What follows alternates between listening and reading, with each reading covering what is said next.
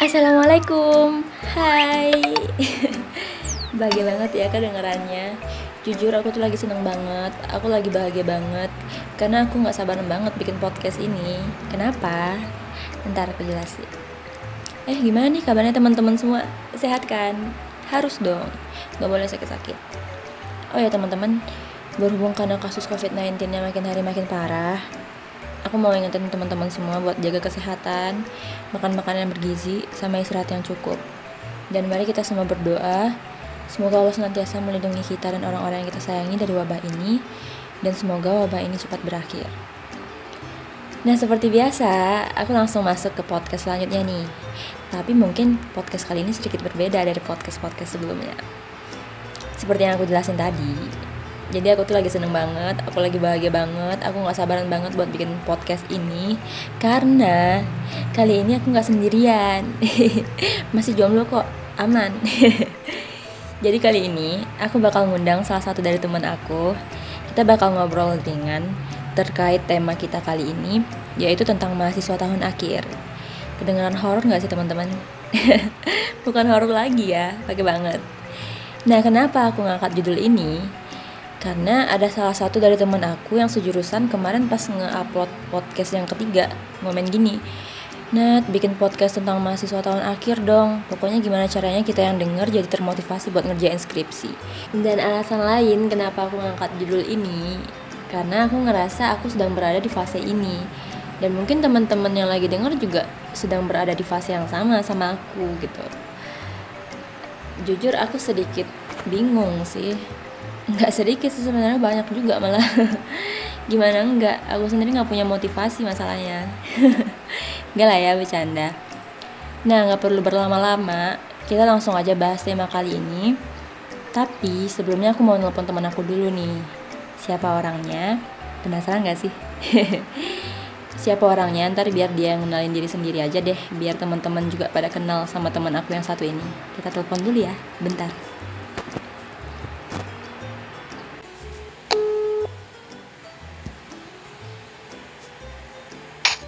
Wah diangkat Assalamualaikum mbak Waalaikumsalam warahmatullahi wabarakatuh Nanan Apa kabar nih?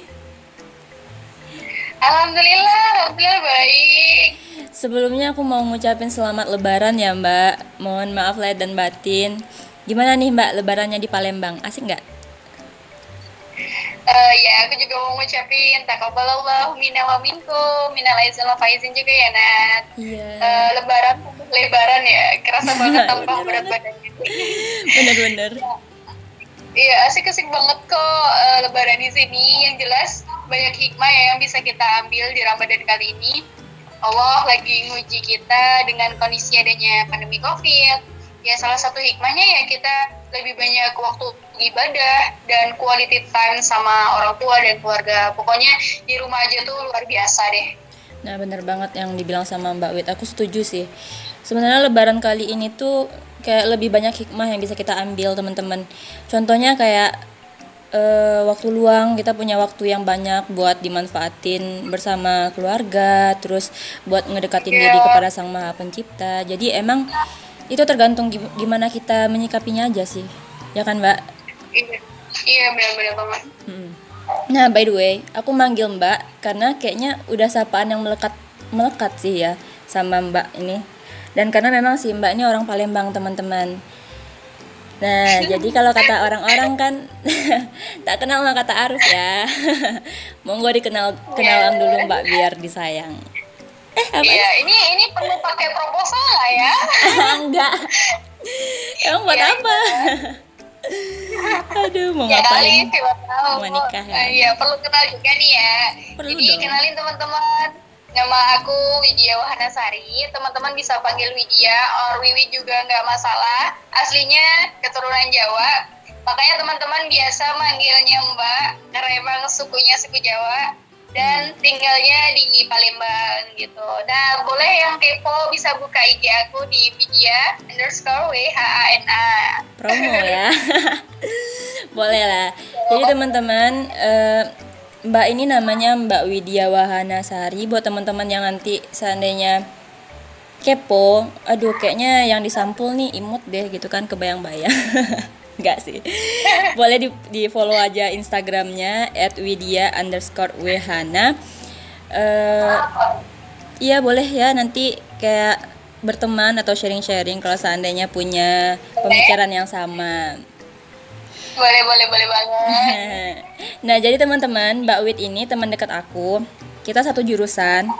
Kenapa aku ngajak Mbak Wit buat nemenin aku di podcast kali ini? Ya karena aku ngerasa Mbak Wit kayaknya berkompeten di bidang ini. Secara dia anaknya nggak ada malunya. Eh, bukan nggak ada malunya ya. Tapi emang anaknya pede banget. Terus dia juga suka ngomong. Selain itu alasan aku ngajak Mbak Wit karena selain pinter, dia juga asik diajak ngobrol. Ya nggak Mbak? Ih, bohong banget. Sebenarnya aku ini pemalu kok, Nat. Depan Pemalu. kali lagi sedikit barbar gitu. Nggak bohong banget. Gila ya. Sebenarnya aku mau nyampein itu. Sebenarnya ilmu aku nih masih sedikit banget dan belum berkompeten di bidang ini. Nah, ini berlebihan deh. Gak apa-apa lah, tapi kan aku suka sih gimana cara Mbak Wit memandang sesuatu asik. Nah Oh, langsung aja. Mbak, langsung aja. Aku mau nanya nih. Eh sebelumnya aku mau nanya kesibukan Mbak Wit selama di karantina apa aja nih? Sibukannya ya? Iya, Eh, banyak so sibuk nih. Sebenarnya so sibuk aja sih. banyak soal sibuknya ya. Iya, iya, iya, alhamdulillah. Tapi Hmm. ya lebih banyak eh, mungkin ya bantu orang tua yang masih kemarin masih kuliah-kuliah tuh ya kuliah kuliah online.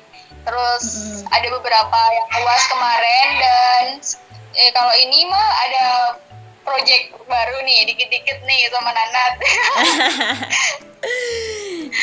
Dan semoga ke depannya masih bisa ya diulang lagi Mbak dengan tema yang Ya, berbeda. Insya Allah. Ya insya Allah. Eh, terus aku mau nanya juga nih, Em, kan kita bicara soal mahasiswa tahun akhir nih. Mbak Wit sendiri udah punya persiapan nggak buat itu kayak mungkin bikin-bikin mulai nyusun gitu atau udah mikirin judul atau bahkan udah mulai nih? Gimana Mbak? Kalau untuk persiapan sendiri mungkin aku lebih ke ini ya, udah nyari judul, udah tinggal eh, outline-nya juga udah insya Allah. Tapi Allah. untuk yang kita bikin-bikinnya itu belum. kita belum. Ya setidaknya udah nih? udah mulai gitu kan, nggak kayak aku yang masih bingung. Ya, ya udah mulai lah, alhamdulillah. Nah, oke Mbak, langsung aja. Aku mau nanya nih sesuai tema kali ini dan berhubung memang kita sedang berada di fase itu. Gimana nih perasaan Mbak Wit sebagai mahasiswa tahun akhir? Apa yang Mbak Wit rasain? Kayak aku rasain ya. ya sebenarnya ya sebenarnya kalau ditanya tentang apa ya oh ya sebenarnya cuma aku mau sedikit sharing ilmu ya sama teman-teman Dan boleh. ilmu yang sedikit aku sampaikan ini semoga bisa bermanfaat nantinya amin insyaallah Amin. Mm-mm. Nah, ya kalau ditanya perasaan menjadi mahasiswa tingkat akhir perasaan aku campur aduk ya gado-gado ya Iya, iya, boleh lah ya. ya yang pasti aku senang karena nggak kerasa udah pada tahap-tahap akhir yang penuh dengan tantangan pastinya ada rasa cemas takut Mm-mm. dan penuh harap.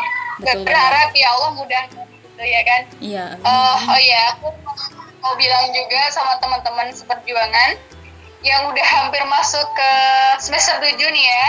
Iya. kalian tuh hebat. Kalian tuh hebat. Luar biasa banget dan kehebatan kalian bukan cuma soal bisa dapat IPK 4 ataupun lulus komlot ataupun lulus tiga setengah tahun tapi teman-teman kalian itu hebat bisa melewati setiap proses dengan sabar dalam menuntut ilmu Bener banget. karena nggak orang bisa sabar, nggak semua orang bisa bertahan.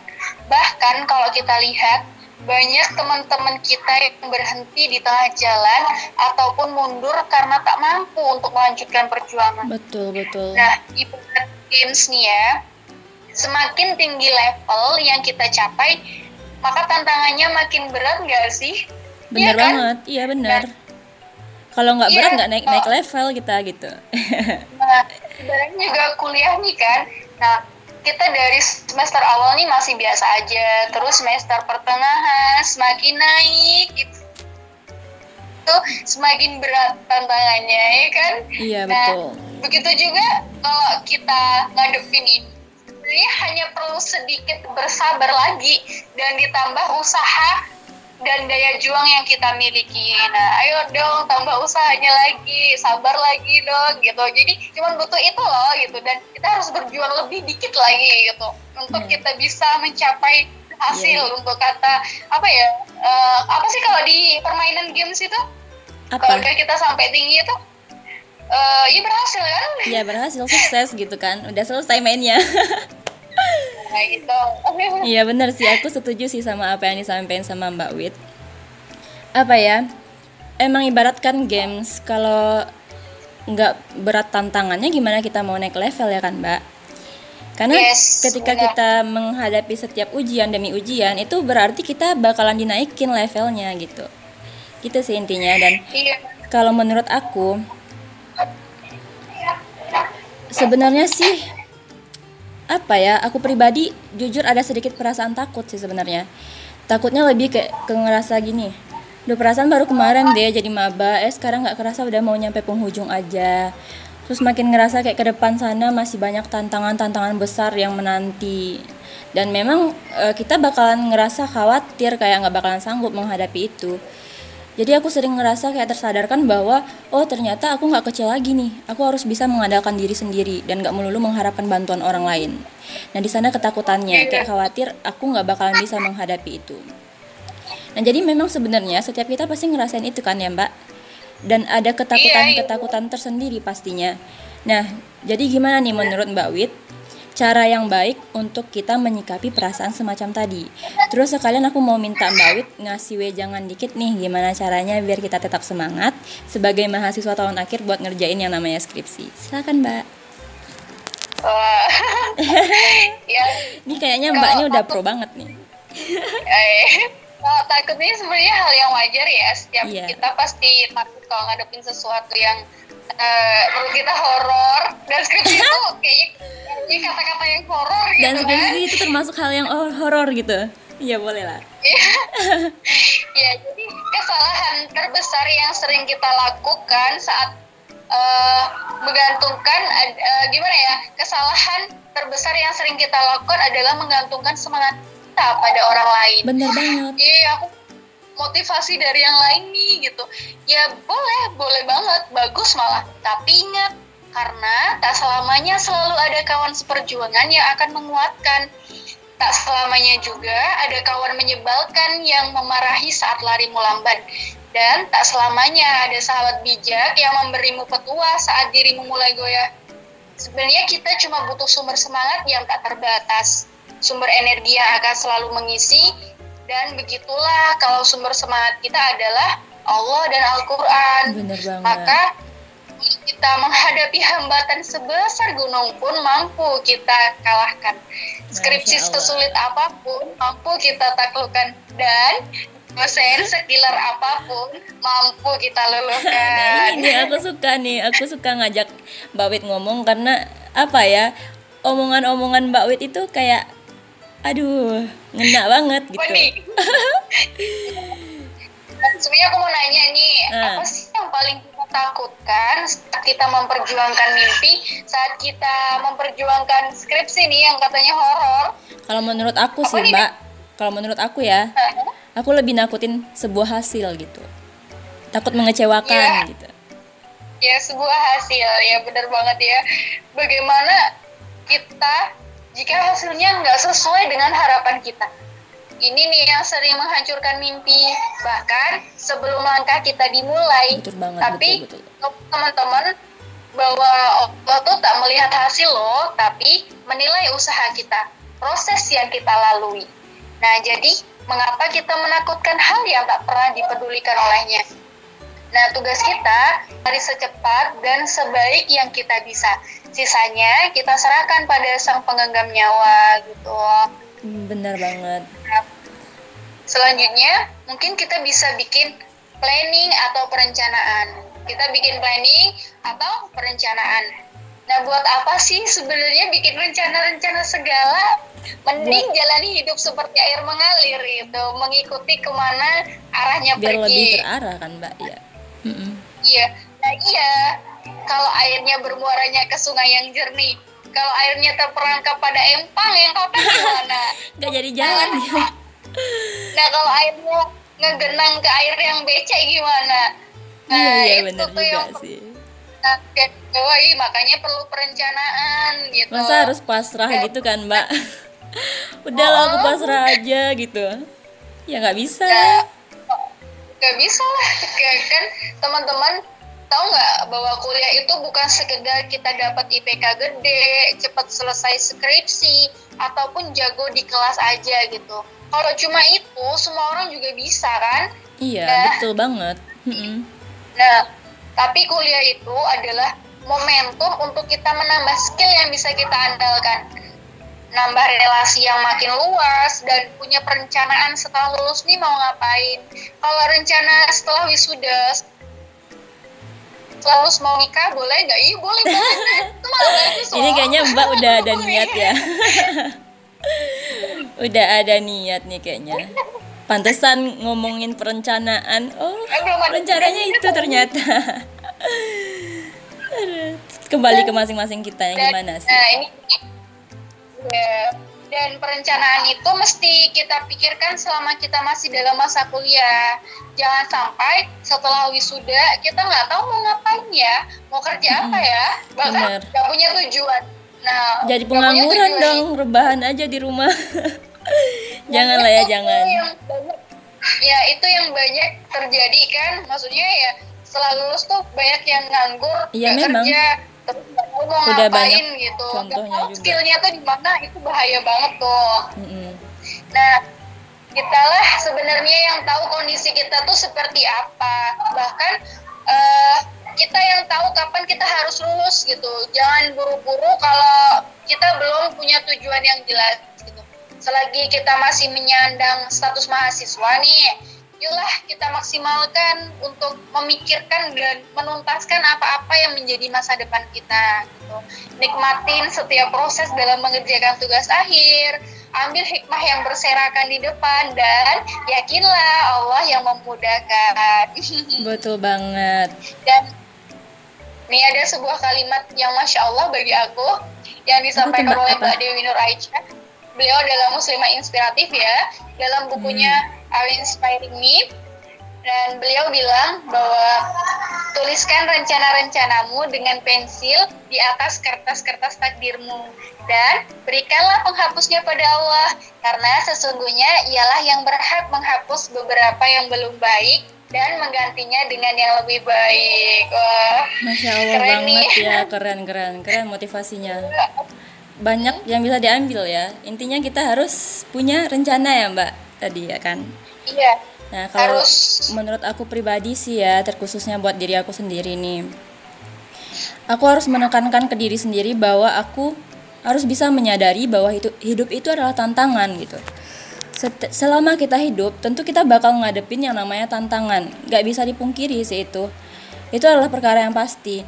Yang jadi masalahnya bukan tantangannya sebenarnya mbak tapi gimana cara kita buat berhasil menghadapi itu semua dan itu semua tergantung pilihan kita kita mau bersusah payah untuk menghadapi itu atau justru kita membiarkan diri kita untuk masa bodoh dan tertinggal dari yang lainnya jadi kalau kita bicara soal mahasiswa tahun akhir, erat memang kaitannya dengan masalah perskripsian ya Mbak. Kebanyakan dari Iya. kita pasti menakuti itu semua. Tanpa terkecuali, Horor ya? tanpa ter- iya horor banget. Tanpa terkecuali itu aku juga sendiri gitu. Aku juga takut gitu.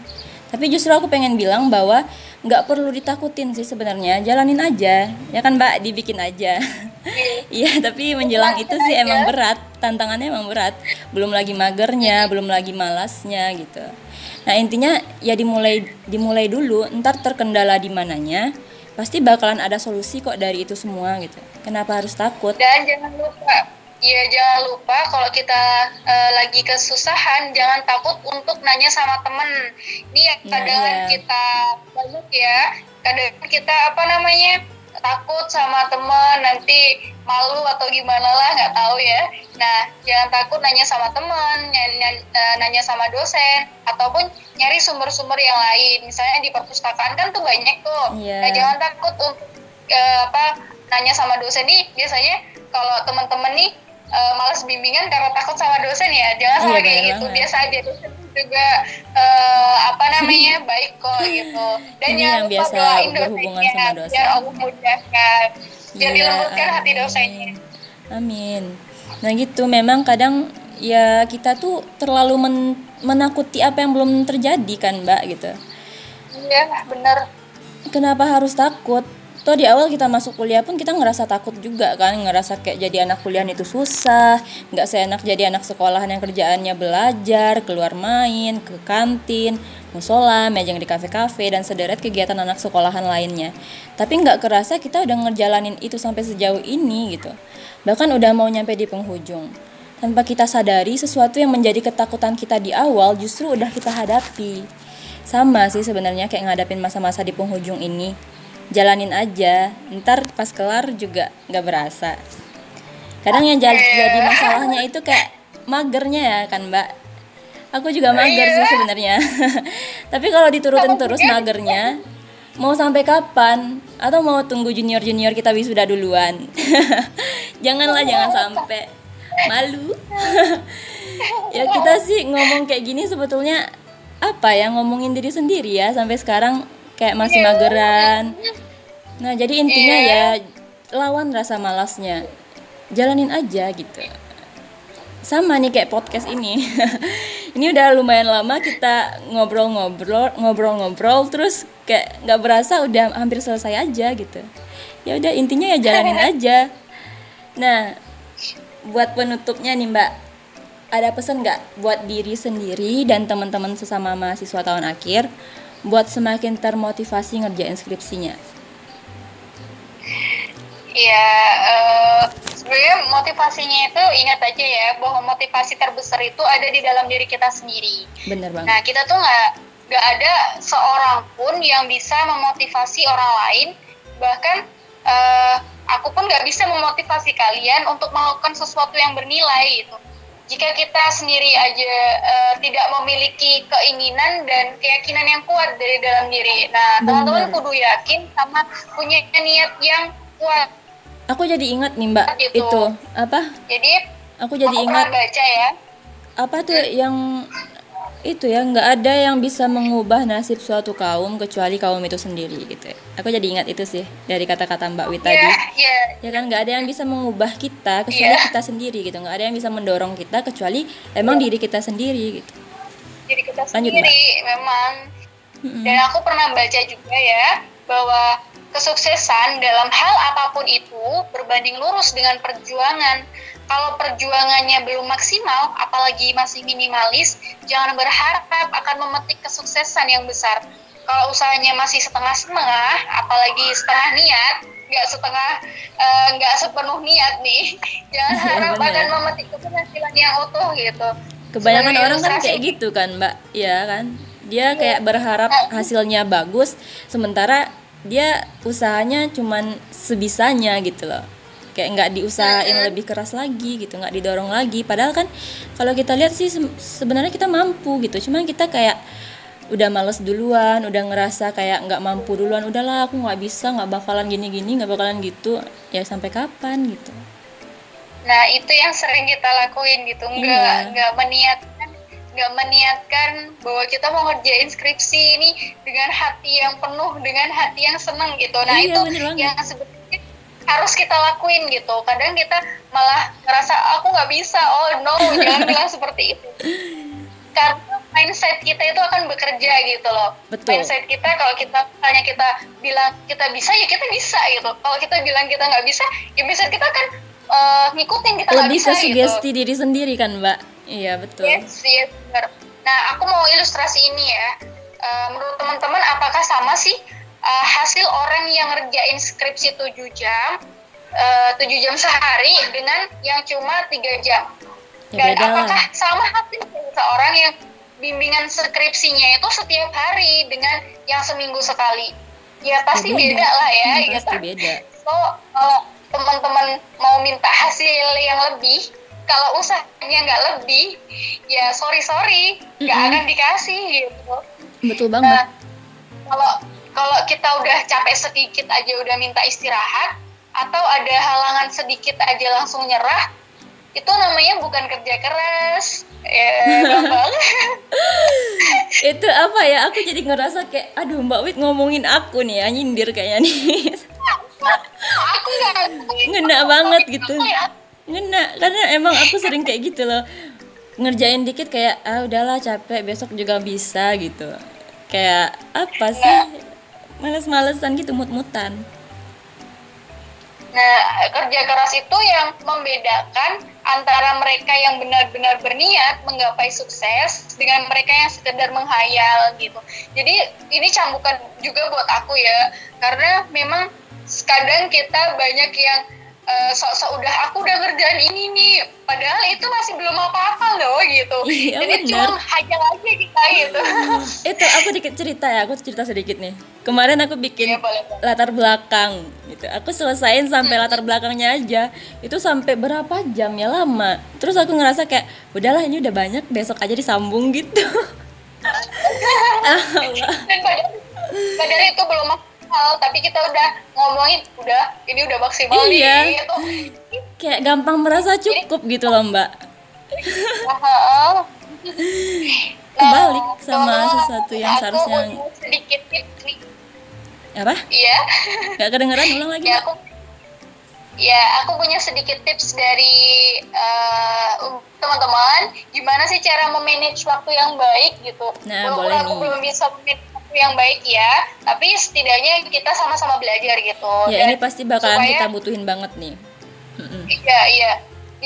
Dan biar di sisa waktu kita ini bisa maksimal nyes- skri- skripsinya. belibet gitu ya Iya ya.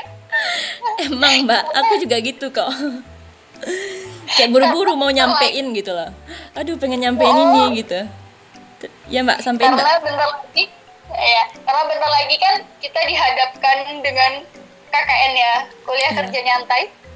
Betul Kerja nyantai ya, kuliah kerja nyantai. Online kan Oh iya, semester depan juga kita udah mulai PPL juga ya. Iya. Yang pasti kita kan sibuk banget dan kita harus punya eh, pandai-pandai lah kita dalam menyusun manajemen prioritas kita gitu. Nah Hmm, sebelumnya kan harus punya to-do list. Nah apa sih to-do list itu? Gitu. To-do list itu adalah jadwal aktivitas yang harus kita kerjakan atau jadwal harian yang mesti kita lakuin. Bisa pakai kertas atau bisa pakai handphone dan sekarang aplikasi itu udah banyak ya. Jadi teman-teman bisa pakai aplikasi. Nah, to-do list ini kemudian kita kelompokkan menjadi lima kategori. Yang pertama itu masdu. Masdu itu adalah pekerjaan yang harus selesai hari itu. Kalau misalnya kita punya pekerjaan yang harus selesai hari itu, maka kita prioritaskan apa pun yang eh, terjadi hari itu. Pokoknya eh, pekerjaan ini harus selesai, aktivitas ini harus selesai, kegiatannya harus eh, Selesai. kita dahuluin gitu, dikerjakan terlebih dahulu. Contohnya teman-teman punya program satu hari satu jus, ya udah berarti selesai eh, setelah subuh kita eh, selesain dulu odotnya gitu. Atau misalnya teman-teman punya program satu hari satu halaman nulis skripsi. Ya udah berarti harus selesain dulu itu ya gitu. Berarti Nah, lebih ke itu apa kalau- yang harus kita capai ya kan mbak? Apa yang harus kita selesaikan dalam sehari itu ya kan? Eh, jadi jadi eh, misalnya kalau Mas Du ini lebih de- dekat dengan apa yang harus kita target kita targetkan selesai hari itu. Misalnya Hmm. udah udah jadi kewajiban kita gitu Iya loh. iya betul Jadi misalnya kita udah mm, mm, punya program ataupun order kita nggak ngelakuin kita bakalan dapat denda. Berarti kita harus Mm. eh, selesaiin itu dulu gitu. Iya Nah, kalau udah Mas udah selesai semua, Tadi kita aku- kelompokkan yang kedua. Tadi aku mikirnya Mas Du ini masnya Mbak Wit loh Oh my god. Mbak sama Mas kan pasangannya gitu Ternyata enggak Lanjut mbak. Eh, sesuatu yang mesti kita kerjain ya. Iya Jadi jangan harus, salah harus kita Jangan salah kaprah ya. Ya salah kapan. Iya terus lanjut Belum mbak. punya mas-mas kok. Masih jomblo Masih terbuka untuk umum. Aduh. Jadi kalau kita selesai semua nih mas kita ya, kita kelompokkan yang kedua. Yang kedua ini Apa adalah aktivitas yang berkaitan dengan life goals kita. Jadi Hmm. kita punya target apa, misalnya kita punya Halo? Duh. Halo, kok? Gimana, Mbak? maka kemudian kalau kita nah eh, contohnya tadi apa life goals ya Iya, life jadi goals. kalau eh, apa nih, yang kedua itu kan aktivitas yang berkaitan dengan life goals kita tentang impian kita target-target kita apa gitu. Maka kalau kita udah kerjakan aktivitas-aktivitas yang mendekatkan pada impian kita gitu. Nah jadi teman-teman ada target nih nulis skripsi emang sih deadline-nya masih lima bulan atau masih lama misalnya tapi bukan berarti harus dikerjakan seminggu sebelumnya atau ngerjain tugas nih yang sering kita tunda-tunda kayaknya Itu kan banget udah budaya mahasiswa ya. budaya aku Ya, banget. suka deadline-nya. nah itu sebenarnya nggak baik tayang. gitu kenapa sih suka deadlineers banget gitu karena kenapa kalau kita masih apa kita bisa ngerjain sebelum deadline kenapa harus dikerjain deadline itu itu Iya, banyak betul. banyak banget ya sering kayak gitu Nah, masalahnya Sebenarnya deadline- Mbak. Kita suka Ya, kebut-kebutan. deadline itu sebenarnya nggak bagus sih nggak bagus karena kita nggak maksimal ngerjainnya gitu Betul banget. ya walaupun kadangan ide-ide itu muncul pas deadline itu tapi itu eh, rasanya nggak maksimal apa yang kita akan kerjain itu gitu Iya, benar. nah kalau udah kalau udah semua aktivitas life goals-nya eh, udah apa namanya udah nyelesain tentang apa skripsinya nih. Udah nyicil lah nyicil skripsinya. Atau udah tugas-tugasnya udah. Kita berpindah ke aktivitas membantu eh, orang lain atau helping people. Sebenarnya dua sama yang ketiga ini bisa ditukar-tukar ya. Bisa tergantung prioritas teman-teman atau helping people dulu Hmm. atau life goals dulu gitu. Karena Hmm. helping people ini juga penting untuk mengurangi sikap-sikap egois kita Iya betul Biar banget. Kadang ada orang yang kayak mentingin diri sendiri gitu kan. Oh, aku harus Iya. selesai sendiri nih biarlah teman-teman itu tertinggal gitu. Jahat ya. itu jahat banget ya Iya. Nah, kalau helping people ini maksudnya adalah misalnya ada orang yang meminta bantuan sama kita. Misalnya aku nih sama Nanat nih, Nat, aku mau diajarin buat daftar isi nih, Nat. Oh, Gitu. boleh, boleh. Kita Sini aku ajarin gitu. sama Nanat nih. oh iya, Mbak. Nat bilang, oh iya Mbak, nanti aku bantuin deh, gitu. Nah, Iya. Nanat udah selesai nih masuk sama life goals-nya. Terus dia keinget deh sama aku. Eh, keinget. nanti minta bantuan buat daftar isi ya, oke deh aku bantuin dia. Itu itu namanya helping people. Masya Allah. Dan kalau semuanya udah oke, udah selesai dari ketiga yang tadi, hanya kita gunakan waktu kita untuk belajar atau upgrading diri biar nggak kupar-kupar amat lah ya gitu. Iya, betul. Misal teman-teman mau buat eh, belajar tentang jurnal atau penulisan buku itu eh, masuk ke yang keempat tadi gitu. Dan kalau i- baru yang keempat tadi udah selesai kita kerjakan, yang kelima lagi ini yang Paling paling- ditunggu-tunggu nih. kita suka Iya, paling kita pindah ke free activity Bis- bisa Ah, teman-teman kumpul main ya kumpul sama teman-teman main sama teman-teman atau yang suka traveling yang nge-games nih biasanya cowok-cowok cowok nih. Iya. nah itu masuk ke free activity Tapi nih, Mbak, nah yang sering kali membuat kita nggak bagus manajemen prioritasnya itu misalnya Mas dunya udah nih langsung loncat ke free activity Eh, nah Aduh, itu aku mau bilang itu tadi. Kebanyakan kita pasti kayak lebih berminatnya ke free activity ini loh gitu. Udah ngelakuin dikit, wah rebahan dulu lah gitu. Nanti keenakan rebahan Nah, kan jadi males. Ah udahlah besok juga bisa gitu kan. Terlena dia. Dan terlena. akhirnya waktunya habis buat free activity Ah, betul. jadinya jadi nggak jadi waktu yang bermanfaat lagi gitu. Percuma aja Iya, sering perencanaannya udah mateng gitu kan, perencanaannya udah mateng, ini udah tersusun rapi gitu kan. Tapi malah pas mengaplikasikannya ke kehidupan nyata gitu kita lebih lebih banyak ke free activity gitu. Jadi target yang kita targetin itu nggak tercapai ya kan, Mbak? Percuma jadinya. iya iya jadi harusnya memang eh, kita, kita memang harus punya niat sepenuh hati tadi biar apa yang kita targetin biar apa yang kita rencanain selama seharian itu bisa kita lakuin gitu. Memang benar-benar butuh keimanan yang kuat. Betul banget. biar nggak tergoyahkan dengan free activity. gitu. aduh betul banget nah, itu. Aku yang jelas perbaiki manajemen prioritas kita. Mm-hmm. biar aktivitas hari-hari kita lebih teratur betul dan sekali lagi aku mau minta uh, maaf juga sama teman-teman bahkan uh, aku ini bukan baik dari teman-teman semua bahkan mungkin aku juga masih banyak salahnya dan magernya. Iya betul banget sebenarnya kita ngomong kayak gini ini lebih ke menusuk diri sendiri sih. Soalnya kita kita yang lebih tahu diri kita gimana kan gitu. Jadi ibaratnya kita lagi ngomongin iya, diri sendiri gitu. Jadi la lagi ngata-ngatain diri sendiri nih ceritanya gitu. Ya, sebenarnya kita lagi nasehatin diri kita sendiri betul nih biar banget, berubah. Ayo, betul. iya. Tapi jalannya memang dengan kita sharing sama teman-teman yang lain juga gitu.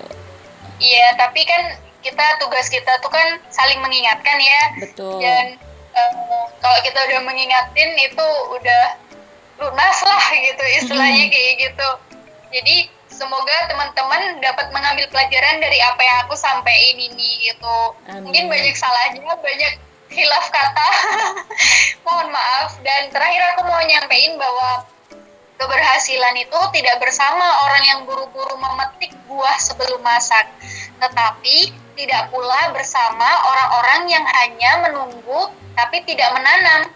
Ia tidak bersama orang yang berlebihan, tetapi tidak pula bersama orang yang enggan dan tidak berbuat sama sekali. Ia tidak bersama orang yang bertindak tanpa perhitungan, tetapi ia tidak pula bersama orang yang terlalu takut untuk berbuat.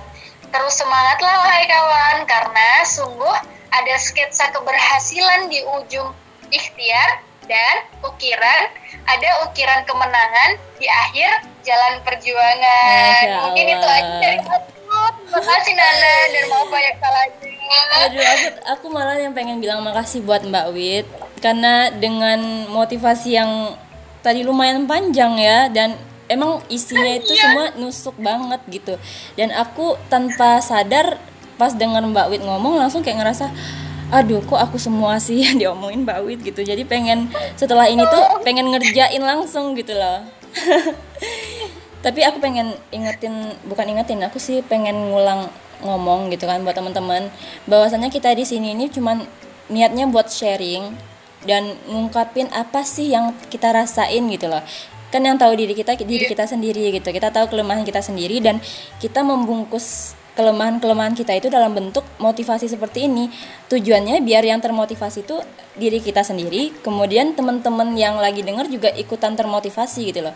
Jadi kayak kita tuh mikir kalau kita ngelakuin sebuah kebaikan ini kan kebaikan nih yang skripsi ini kebaikan nih. Kita ngelakukan sebuah kebaikan itu bakalan lebih indah gitu loh kalau kita ngelakuinnya secara berjemaah gitu kan berjemaah beramai-ramai gitu. Gitu sih intinya. Ya tapi ada motivasi dari kemarin uh, pernah kan kita belajar dari sama Pak Engki ya? Yeah. Pak Engki Zat beliau uh, bilang kalau kamu ingin pergi cepat makalah pergi sendiri. Tapi kalau kalian pengen pergi jauh maka maka, pergi pergilah bersama-sama. Uh, ya benar sih. Benar. Jadi teman-teman kita di sini uh, ingin sharing aja dan bertukar pikiran juga berbagi untuk saling menguatkan.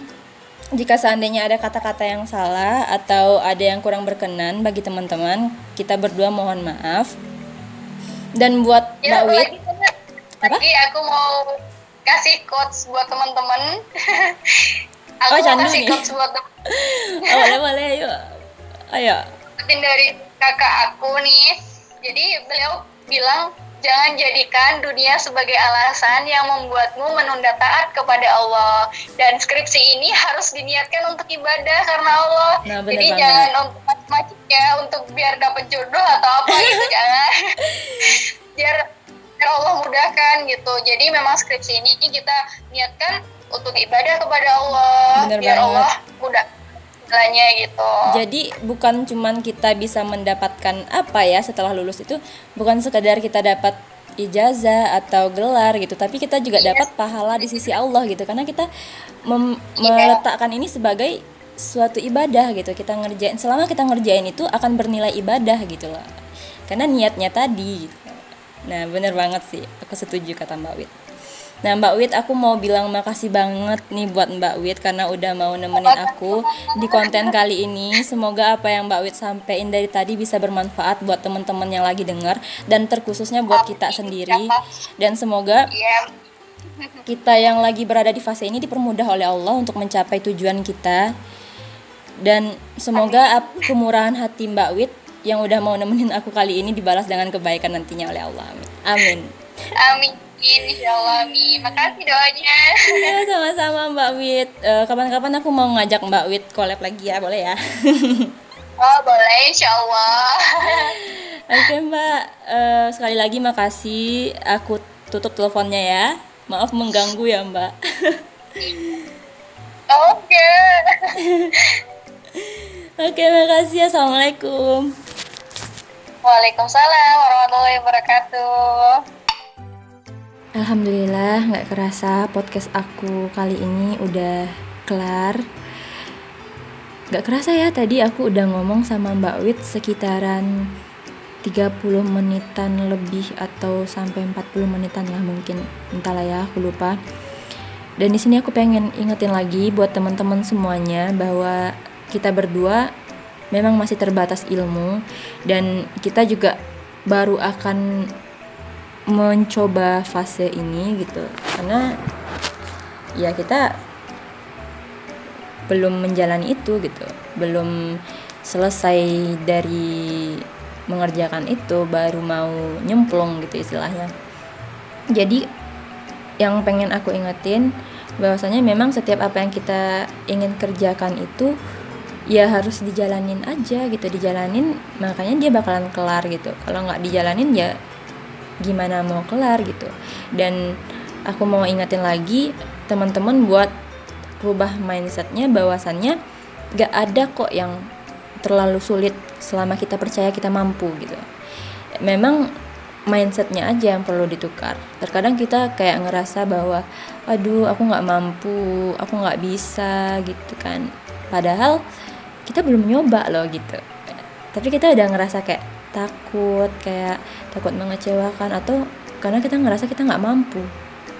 Itu sebenarnya yang menghambat kita pola pikir kita sendiri yang menghambat kita sehingga kita nggak bisa melakukan itu gitu. dan benar kata Mbak Wi tadi kita harus melakukan perencanaan. Kita harus memprioritaskan apa-apa yang memang harus kita prioritaskan. Jangan sampai nanti apa yang seharusnya kita prioritaskan malah kita kesampingkan gitu. Nanti jangan sampai ibaratnya gini loh yang wajib ditinggalkan demi yang sunnah gitu. Kalau bisa kan wajib dikerjakan sunnah juga jadi dapat dua-duanya gitu jadi teman-teman aku mau bilang makasih banyak buat teman-teman yang sampai sekarang masih mau dengerin podcast aku. Semoga apa yang aku lakuin ini bisa bermanfaat buat teman-teman semua.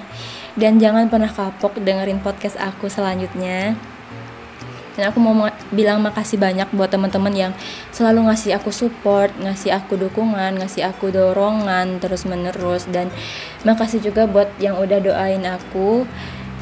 Dan aku juga mau minta sama teman-teman buat selalu doain aku biar aku bisa konsisten terus bikin podcast.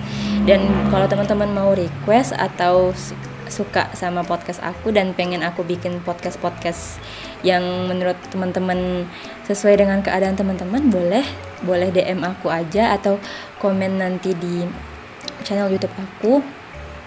Insya Allah akan aku sanggupi. Nah sekali lagi terima kasih karena dengan ada- adanya teman-teman semua aku jadi ngerasa kayak aduh aku harus semangat lagi nih bikin konten karena ada yang nungguin aku gitu loh. Makasih buat semuanya. Sampai jumpa di podcast selanjutnya assalamualaikum